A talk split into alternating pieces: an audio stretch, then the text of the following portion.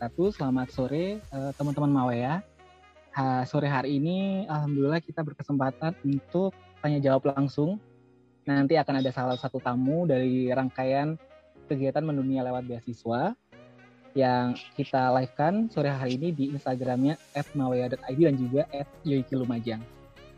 Dan kebetulan uh, pada sore hari ini kita akan kedatangan salah satu tamu yang mana beliau adalah putri daerah asal asli Lumajang. Beliau beliau asli Lumajang yang sekarang sedang uh, mengenyam pendidikan uh, S3-nya di Taiwan. Seperti apa uh, profil dari tamu kita yang satu ini mungkin kita bisa lihat uh, profil yang sudah kita siapkan.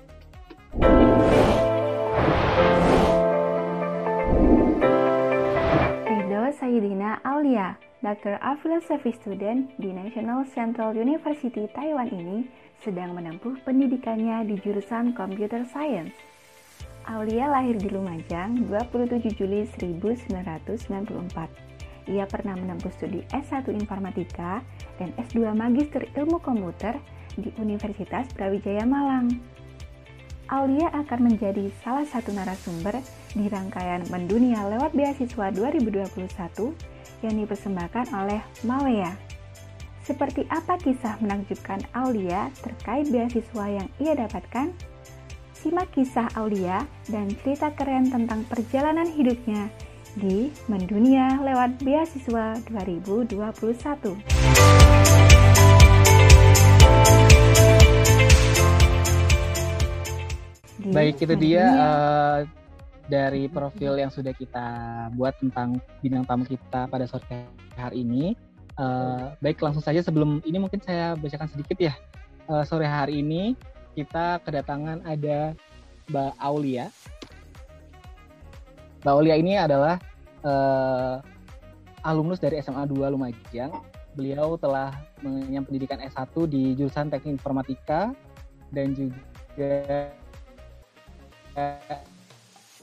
S2 dan sekarang sedang mengenyam pendidikan S3 di program studi uh, Computer Science di National Central University. Nanti mungkin bisa disampaikan sendiri sama beliau.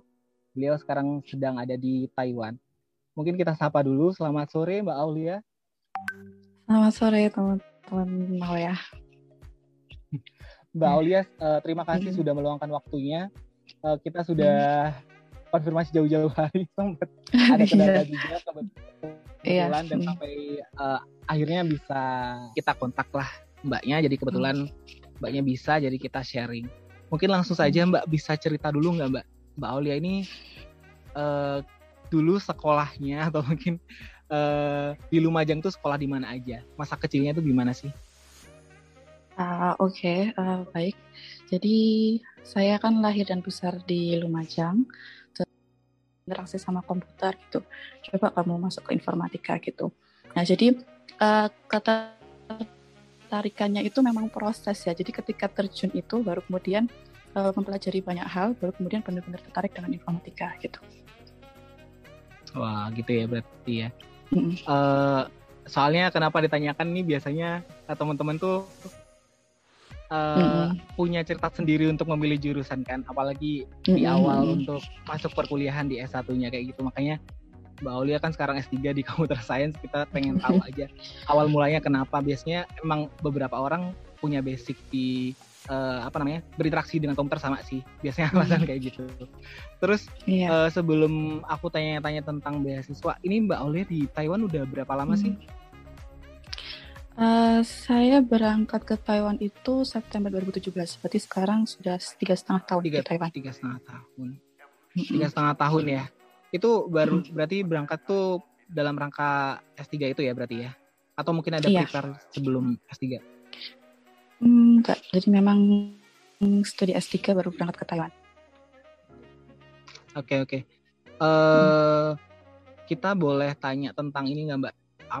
Kan tadi ketertarikan akan komputer membuat apa namanya seringnya interaksi sama komputer akhirnya masuk ke teknik informatika dulu ada pandangan gak sih mbak mm -hmm. udah aku masuk informatika tapi punya pemikiran tapi nanti di Lumajang gimana ya penerapannya gitu-gitu hmm. punya okay. pemikiran kayak gitu nggak?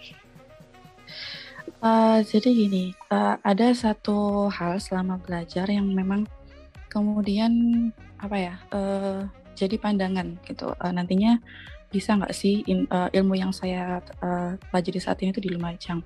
Jadi uh, awal mulanya kan saya belajar informatika itu kan umum banget kan banyak banget aspeknya di informatika. Baru kemudian ketika skripsi saya kan mengambil objek penelitian di Lumajang. Jadi waktu itu saya mengerjakan sistem informasi pemetaan guru di Dinas Pendidikan Lumajang. Nah baru kemudian di situ saya menyadari bahwasanya hmm, ketika kita mengembangkan suatu sistem itu bukan hanya kita harus melihat aspek teknisnya saja, tapi juga aspek manusianya. Jadi di situ kemudian saya berpikir gimana caranya sistem informasi ini bukan hanya mudah digunakan, tapi juga dalam, bisa digunakan uh, jangka waktu yang lama. Itu kenapa kemudian saya ngambil topik user experience design. Jadi pengalaman penggunanya. Gitu.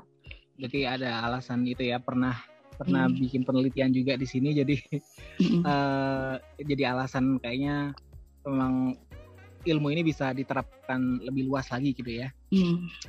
Uh, mungkin kita masuk ini deh. Bener ya Mbak? Aku mau konfirmasi aja ini kemarin baca hmm. di CV sekarang sedang hmm. dapat beasiswa riset gitu ya. Uh, jadi kalau Uh, jadi meluruskan, beasiswa riset itu beasiswa yang saya terima selama S2. Jadi kemarin ketika S2 hmm. dapat beasiswa riset dari hmm. Universitas Surabaya. Nah, sedangkan kalau S3 ini saya dapat beasiswa dari kampus dari kampus uh, eh, NCU. Dari NCU. Oke, okay. hmm. boleh di-share nggak, Mbak? Mungkin boleh di-share beasiswa yang riset dulu boleh. Nanti bisa dilanjutkan oh, iya. bagaimana iya. prosesnya, Mbak Aulia ini bisa dapat beasiswa riset dari riset abis itu ke hmm. NCU itu kayak gimana? Uh, jadi ketika masuk ke S2 itu kan ada beberapa persyaratan yang harus di, uh, diberikan kepada kampus ketika mendaftar.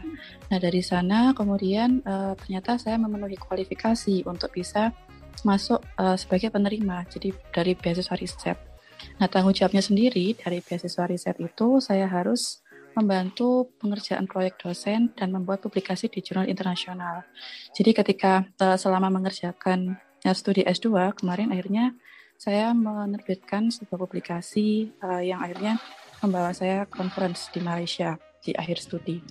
Lalu kemudian kalau beasiswa dari NCU sendiri, jadi di Taiwan itu ada dua jenis beasiswa, ada beasiswa dari kampus dan ada beasiswa dari pemerintah.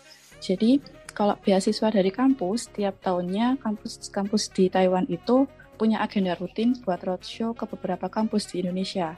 Jadi mereka punya hmm. agenda rutin buat merekrut mahasiswa. Nah kebetulan uh, saat itu saya sedang menempuh semester 3 di studi S2, baru selesai sidang proposal tesis, jadi kondisinya saya belum selesai.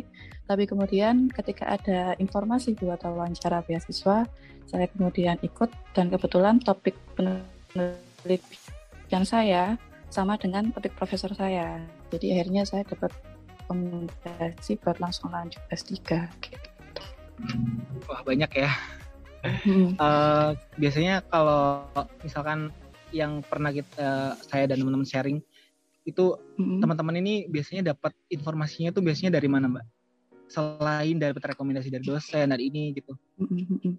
Uh, sebenarnya kalau informasi beasiswa ini sekarang sangat mudah didapatkan di mana saja ya. ya. Uh -uh. Mm. Kalau dari Taiwan sendiri ada websitenya namanya Studi in Taiwan mungkin nanti bisa saya uh, berikan gitu. Uh, lalu juga bisa lalu bisa ngontak uh, akun Instagramnya PPI Taiwan atau melalui Facebook atau Instagram hmm. yang bisa langsung DM DM ke sana bisa langsung tanya-tanya atau mungkin bisa langsung uh, bisa langsung search nama kampusnya apa di situ informasinya lumayan lengkap gitu. Oke. Okay. Kalau dari cerita tadi kan uh, dari perjalanannya Mbak Aulia kan dari tesis abis itu dapat hmm. rekomendasi kayak gitu. Hmm. Kalau ini sesulit apa sih dapat beasiswa ini buat orang-orang hmm. lain yang mungkin nggak bisa dapat rekomendasi atau nggak dapat kisah nah. sama kayak Mbak Aulia? Uh, gini, Kalau uh, jadi uh, setelah rekomendasi itu saya masih harus memasukkan berkas pendaftaran.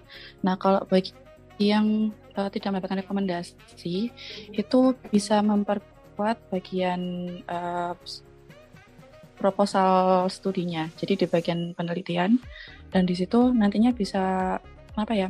Uh, sekarang bisa langsung mengontak profesor melalui email. Jadi mungkin bisa ngobrol dulu dengan profesornya. Mencari kecocokan, misalnya memang dari situ kemudian profesor. Okay. Jadi bisa kontak dulu, profesornya sendiri. Dulu ada alasan nggak mbak kenapa pilih negara ini hmm. atau memang karena dapat rekomendasi aja terus hmm apa namanya udah cari-cari kecocokan dengan kampus dan hmm. negaranya kayak gitu atau mungkin hmm. dari awal udah emang apa apa naruh target untuk kampusnya oh ya uh, jadi sebenarnya ada beberapa opsi negara yang memang saya milih Taiwan Uh, yang pertama itu dari segi lokasi. Di lokasi Taiwan itu kan lumayan dekat dengan Indonesia. Satu hari perjalanan selesai uh, nyampe. Tapi yang paling penting adalah uh, kondisi Taiwan sendiri. Jadi Taiwan itu uh, dia perkembangan teknologinya lumayan maju, cukup maju dibandingkan negara lain. Jadi cocok banget buat uh, yang studi informatika atau computer science dan juga kultur riset di Taiwan ini memang sangat erat antara pemerintah, industri, dan perusahaan. Jadi di sini uh, tiap profesor itu wajar jika mereka mengerjakan proyek yang itu kerjasama antara industri dengan perusahaan atau dengan Kementerian Pendidikan. Jadi kita bisa langsung aplikasi ilmu yang kita dapatkan. Gitu. Dulu hmm. uh, apa namanya perasaannya Mbak Olia pas bisa berkuliah di luar negeri dan di Taiwan tuh kayak gimana? Hmm, seneng sih pasti ya, tapi pasti awal-awal tuh ada culture shock. Jadi culture shock ya? ya pasti culture Boleh diceritain nggak mungkin apa bentuknya hmm. kayak gimana gitu culture shocknya? Ya, uh, jadi ketika keluar negeri itu kan uh, yang awalnya kita tiap hari pakai bahasa Indonesia, pakai bahasa Jawa kan, tiba-tiba harus pakai bahasa Inggris. Nah waktu itu saking uh, jadi di, di pesawat pun ketika di perjalanan itu kan langsung pakai bahasa Inggris kan waktu itu saking saking shocknya mau mesen kopi aja sampai bingung gitu bahasa Inggris kopinya apa ya. akhirnya akhirnya cuma bisa pesen air kan. Terus waktu itu pertama kali meeting sama profesor kan tiba-tiba harus menyampaikan panjang lebar mengenai riset dengan menggunakan bahasa Inggris. Tiba-tiba di tengah meeting udah lupa bahasa Inggrisnya apa diem lama gitu kan. Hanya sekedar buat mencari kata-kata gitu. Atau tentang uh, budayanya orang-orang sini itu kan tepat waktu gitu. Jadi uh, waktu awal-awal registrasi itu jadi kami janjian gitu, janjian jam 6 waktu itu jam 6 pagi. Kami harus datang ke kantor kan. Uh, sementara saya kan masih jalan kaki dan masih harus mencari rute karena baru banget nyampe. Ternyata orang sana lewat satu menit aja udah ditinggal gitu. Karena saya di tempat waktunya. iya, ngomongin soal bahasa, uh, di sana hmm. sehari-hari bahasa Inggris atau mungkin bahasa sana apa sih bahasa nasionalnya? Bahasa Mandarin. Mandarin atau Mbak Aulia juga bisa udah bisa atau sekarang masih pakai bahasa Inggris? Sedikit-sedikit. Jadi uh, kalau di dengan profesor kita pakai bahasa Inggris, tapi dalam beberapa perkuliahan itu memang ada yang disampaikan dengan bahasa Mandarin. Dan bagi mahasiswa internasional di tahun pertama itu juga harus mengambil kelas Mandarin dulu gitu. Oh, tapi ada kelasnya juga ya. Mm -mm. Tapi untuk keseharian, misal kita pergi ke pasar, kita ke toko atau misalnya ketemu orang gitu, ya pakai bahasa Mandarin. Jadi buat nawar-nawar harga lumayan lah. Iya iya. Uh, tadi kan cerita tentang perasaannya udah pas keterima di kampus di luar negeri kayak gitu kan ada beberapa culture shock dan lain-lain. Di keluarga ada shock juga nggak? mengetahui mungkin putrinya ini perempuan nih dari Lumajang hmm. tiba-tiba harus pergi ke luar negeri sendirian berkuliah gitu. Uh, ada sih, pasti ada kaget kan karena uh, rencana awal setelah studi S2 mungkin mau kerja dulu atau mau menikah dulu. Tapi di semester 3 kemudian tiba-tiba pamit gitu, mau wawancara buat S3 gitu. Ya akhirnya uh, awalnya ya harus meyakinkan orang tua dulu kalau memang uh, tujuan studinya ini baik gitu. Jadi akhirnya kemudian alhamdulillah orang tua merestui buat melepas anaknya studi lagi. Gitu.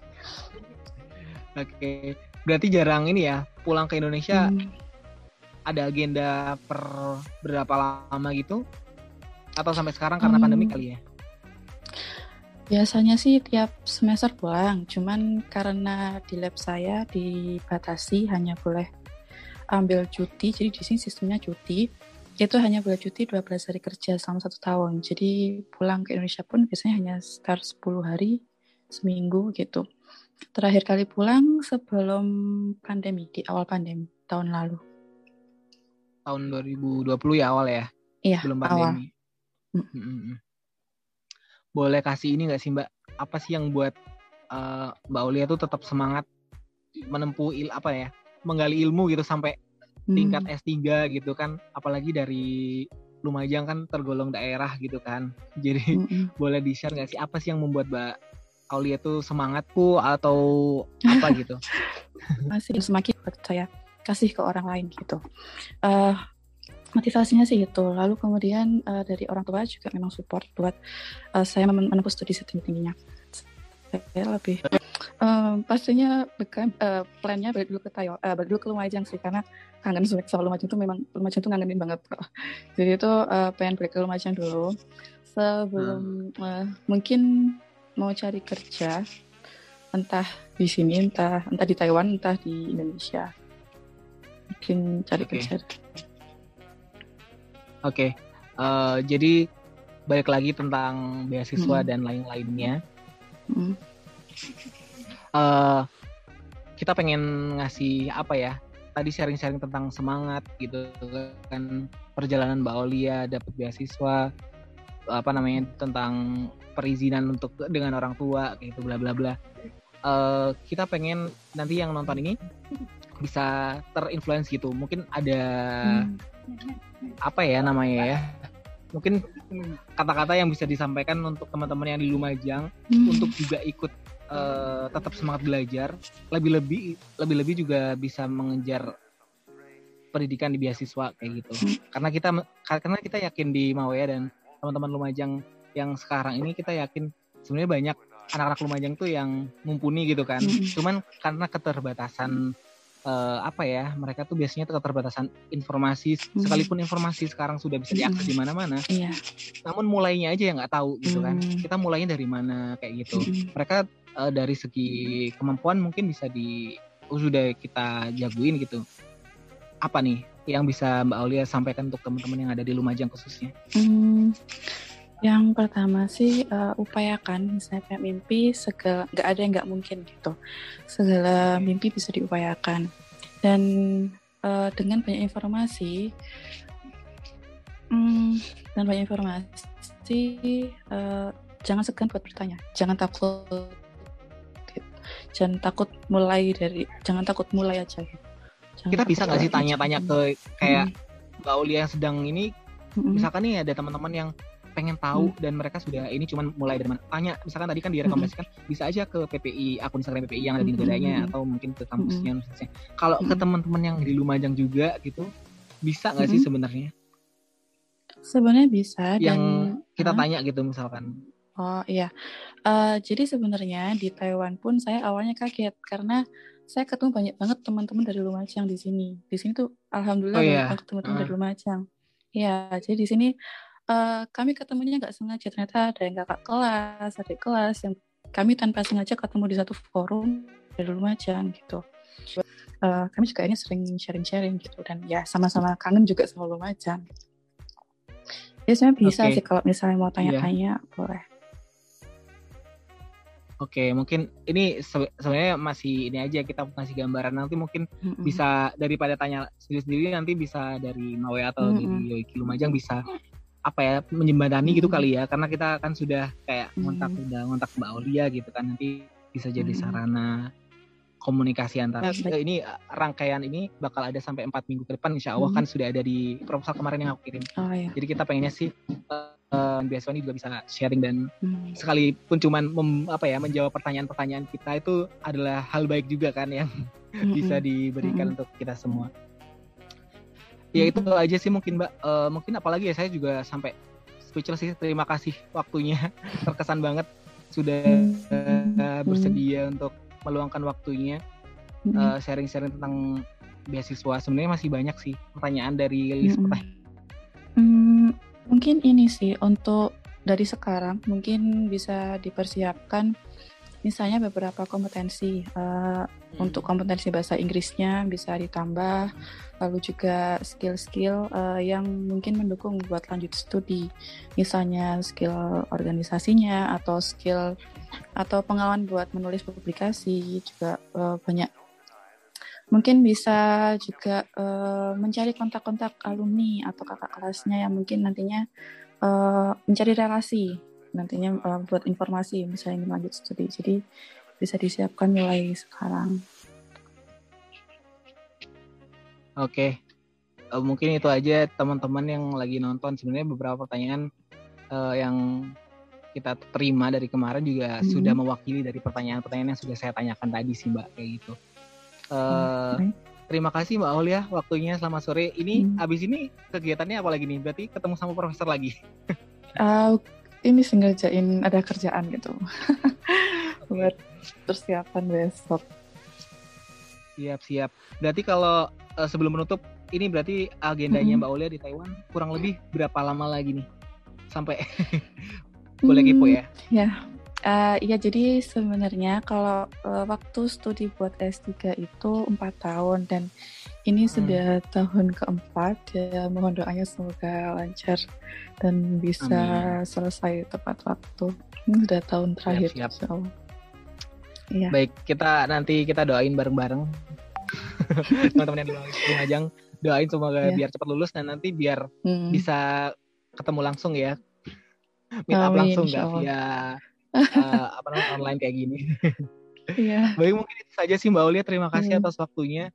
Banyak banget hmm. yang pengen ditanyain sebenarnya cuman uh, waktu yang membatasi kita. Jadi semoga bisa berbincang hmm. lagi di lain kesempatan.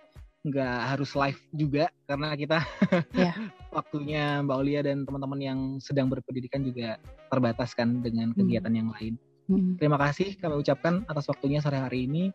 Uh, mungkin yeah, saya tutup teman-teman itu dia obrolan saya dengan uh, Mbak Aulia yang sedang menempuh pendidikannya di uh, eh, NCU Taiwan di program studi uh, Computer Science. Baik, terima kasih. Selamat sore. Assalamualaikum warahmatullahi wabarakatuh. Waalaikumsalam.